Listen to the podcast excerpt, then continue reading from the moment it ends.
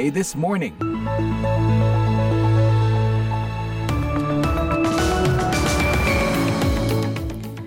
Halo pendengar VOA, bagaimana kabar Anda? Tentunya sudah siap berakhir pekan ya.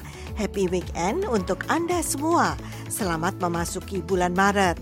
Sebentar lagi bulan Ramadan bagi umat Islam dan juga masa prapaskah bagi umat Kristiani.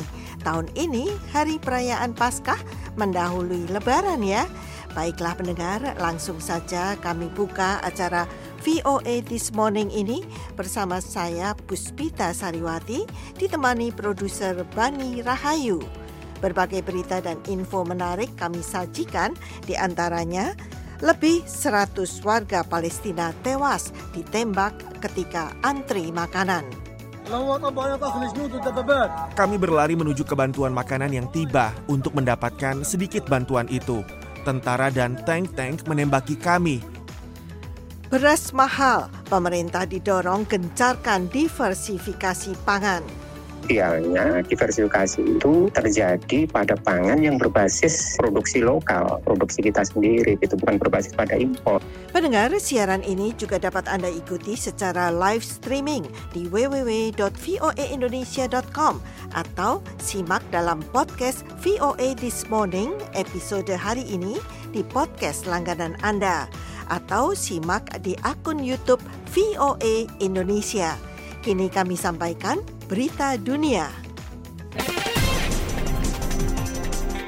Pendengar, Perdana Menteri Israel Benjamin Netanyahu hari Kamis mengatakan terlalu dini untuk menyebut apakah Israel akan menyetujui gencatan senjata dan kesepakatan pertukaran sandera dengan Hamas yang akan membukukan perang yang sedang berlangsung. ומוקדם מדי לומר, חרף הרצון שלנו, אם נשיג בימים הקרובים מתווה שחרור נוסף. Kami sedang melakukan upaya-upaya besar untuk berhasil mencapai kesepakatan itu, katanya.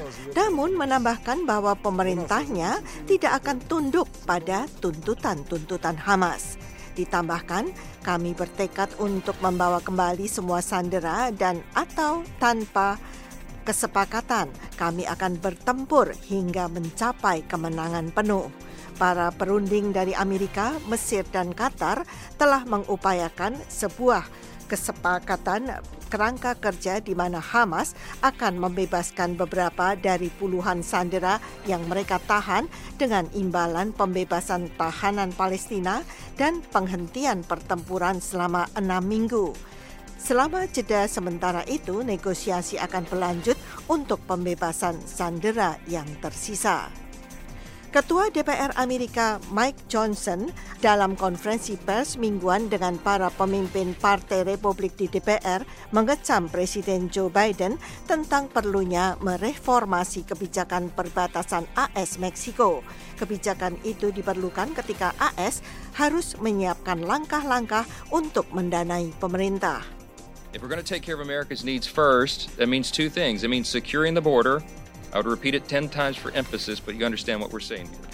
Kami mencatat 64 tindakan khusus yang dimulai sejak Biden menjabat tentang kepres dan perintah lembaga serta tindakan yang membuka lebar perbatasan sehingga menciptakan kekacauan ini.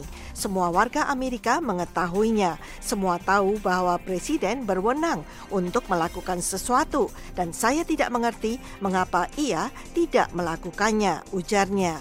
Johnson menyoroti bahwa DPR secara aktif mempertimbangkan opsi bantuan luar negeri sehari setelah para pemimpin Kongres mengumumkan mereka telah mencapai kesepakatan sementara untuk mencegah penutupan pemerintah beberapa hari sebelum tenggat waktu akhir minggu yang berisiko menutup beberapa operasi federal.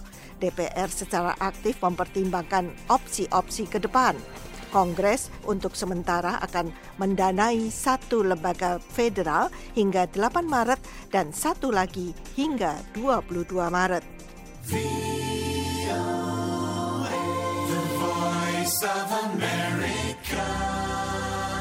Dalam beberapa pemilihan pertama calon presiden dari Partai Republik tidak menunjukkan tanda-tanda bahwa Trump memperluas koalisinya.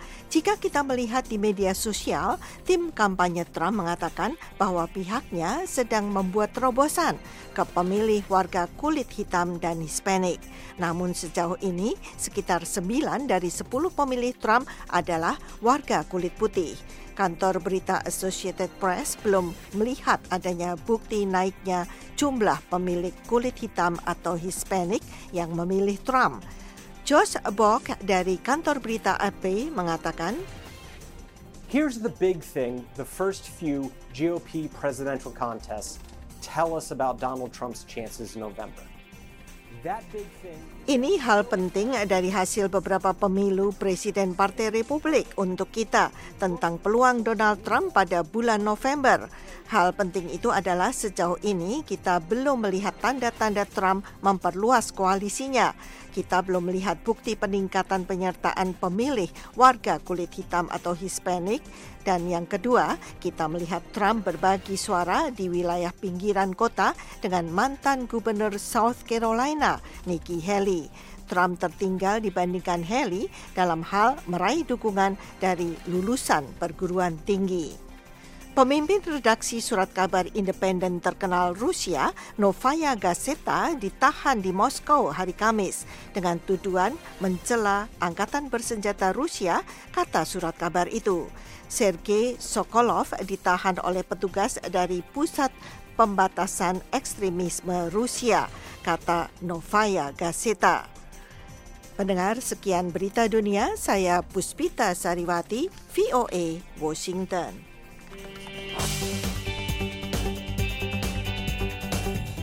Israel membantah telah menembaki warga Palestina yang antri bantuan makanan di Gaza, menewaskan lebih dari 100 orang.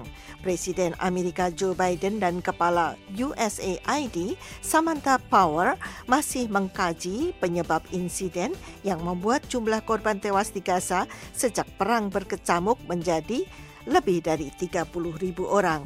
Berikut laporannya. Kami berlari menuju ke bantuan makanan yang tiba untuk mendapatkan sedikit bantuan itu. Tentara dan tank-tank menembaki kami.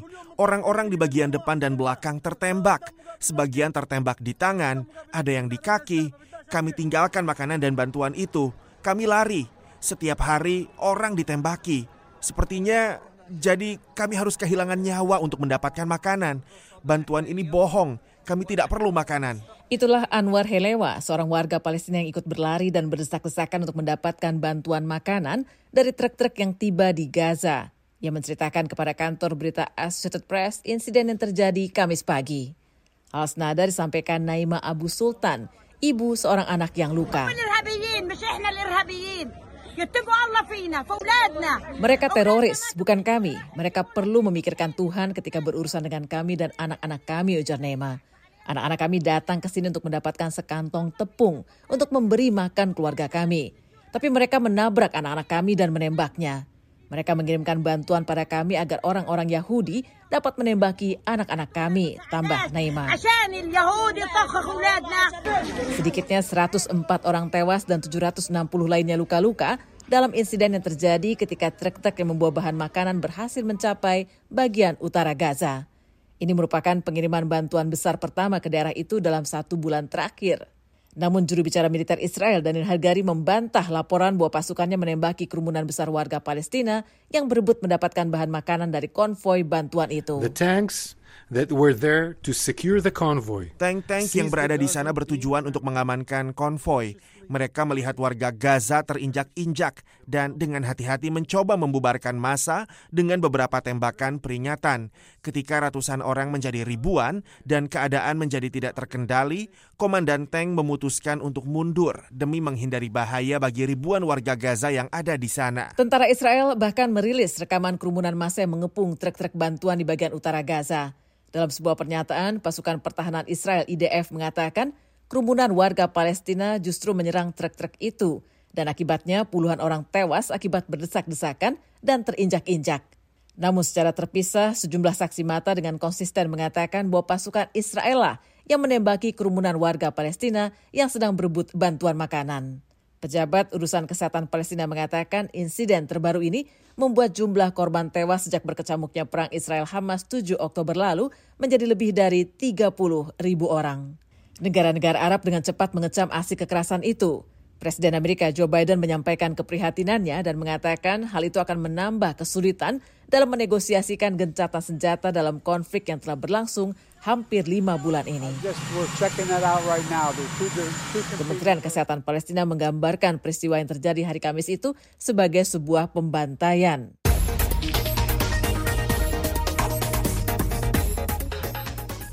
Dalam pidato kenegaraannya hari Kamis, Presiden Rusia Vladimir Putin memperingatkan NATO akan resiko pecahnya konflik senjata nuklir apabila mereka mengirimkan pasukannya ke Ukraina. Sehari sebelumnya, istri mendiang pemimpin oposisi Rusia, Alexei Navalny, meminta Parlemen Uni Eropa berinovasi dalam melawan Putin. Presiden Rusia Vladimir Putin mengatakan kepada negara-negara anggota Pakta Pertahanan Atlantik Utara alias NATO pada Kamis bahwa jika mereka mengirim pasukan ke Ukraina, bukan tidak mungkin konflik nuklir akan terjadi.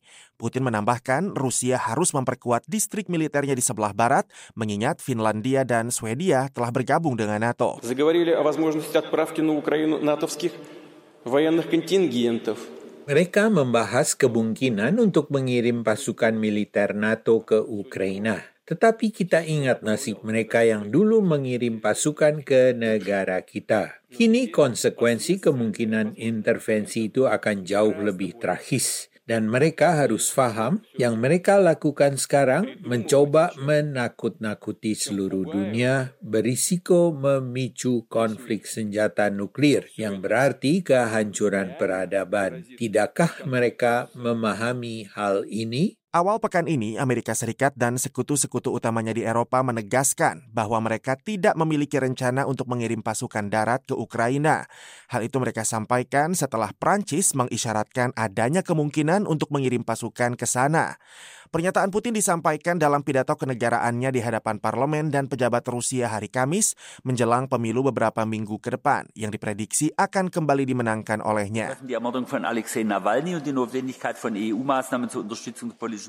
Sementara itu, pada hari yang sama, Parlemen Eropa mengadopsi resolusi yang menentang penindasan politik di Rusia dan kematian pemimpin oposisi Rusia Alexei Navalny.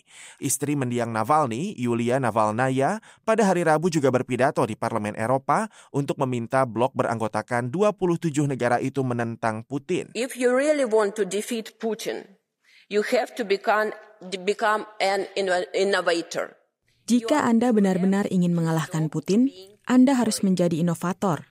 Anda harus berhenti bersikap membosankan. Anda tidak dapat menyakiti Putin dengan resolusi atau paket sanksi lain yang tidak ada bedanya dengan yang terdahulu. Anda tidak bisa mengalahkannya dengan pemikiran bahwa ia adalah orang yang berprinsip, memiliki moral dan aturan. Dia tidak seperti itu, dan Alexei sudah sejak lama menyadari hal itu. Anda tidak sedang berhadapan dengan seorang politisi, tapi seorang monster berdarah. Pada kesempatan itu, Yulia menyampaikan bahwa pemakaman suaminya akan dilakukan di Moskow pada hari Jumat 1 Maret. Ia tidak tahu apakah polisi akan menangkap para pelayat yang hadir. Navalny meninggal pada usia 47 tahun di penjara federal Rusia yang berada di dekat lingkar Arktik Siberia pada 16 Februari, ketika menjalani hukuman 19 tahun penjara atas dakwaan ekstremisme. Pihak berwenang menetapkan pendukung Navalny sebagai ekstremis yang didukung Amerika Serikat. Rifan Dwi Astono, VOA, Washington.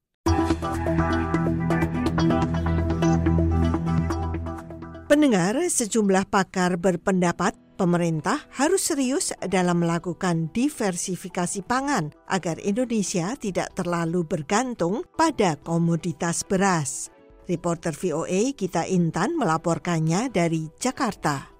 Diversifikasi pangan kembali digaungkan oleh berbagai pihak ketika harga beras melambung tinggi pada akhir-akhir ini. Sejumlah pejabat daerah bahkan kerap meminta masyarakat untuk mengkonsumsi komoditas pangan selain beras seperti singkong. Pengamat pangan Hudori mengatakan, sebenarnya pemerintah sudah mulai melakukan program diversifikasi pangan sejak tahun 1960-an. Namun, katanya, program ini cenderung tidak serius dan salah kaprah. Sehingga yang terjadi adalah program tersebut gagal dan Indonesia memiliki ketergantungan tinggi pada komoditas beras. Ia mencontohkan praktik diversifikasi pangan yang mengandalkan terigu. Aneka pangan berbasis terigu, berbasis gandum. Yang itu impor, itu yang yang saya sebut salah kaprah. Idealnya diversifikasi itu terjadi pada pangan yang berbasis produksi lokal, produksi kita sendiri, itu bukan berbasis pada impor. Lebih jauh, Hudori memaparkan, sebenarnya banyak komoditas pangan yang bisa menjadi kandidat untuk menggantikan beras. Namun ia menekankan komoditas tersebut seharusnya memiliki sifat sifat yang menyamai beras sehingga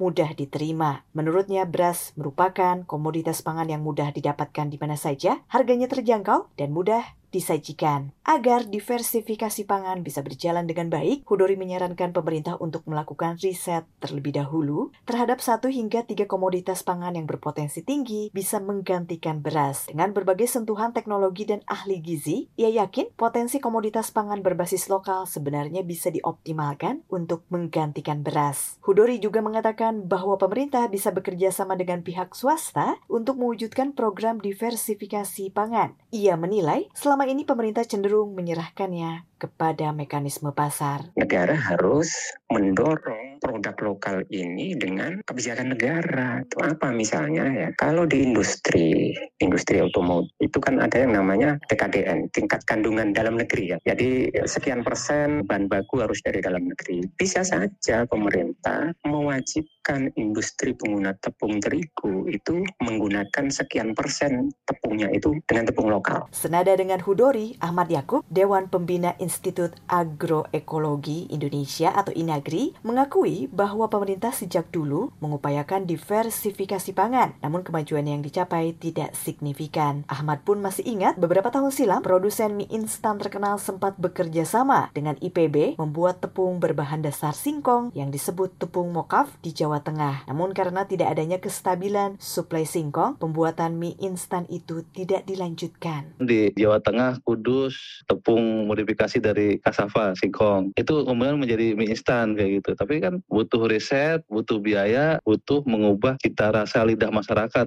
jangka panjang. Ini siapa yang mau melakukan ini? Ya pemerintah mau nggak mau. Kalau swasta kan dia pasti ada hitung hitungan bisnisnya ya. Nggak mungkin nggak mungkin mau rugi terus. Dari Jakarta Gita Intan melaporkan untuk VOA Washington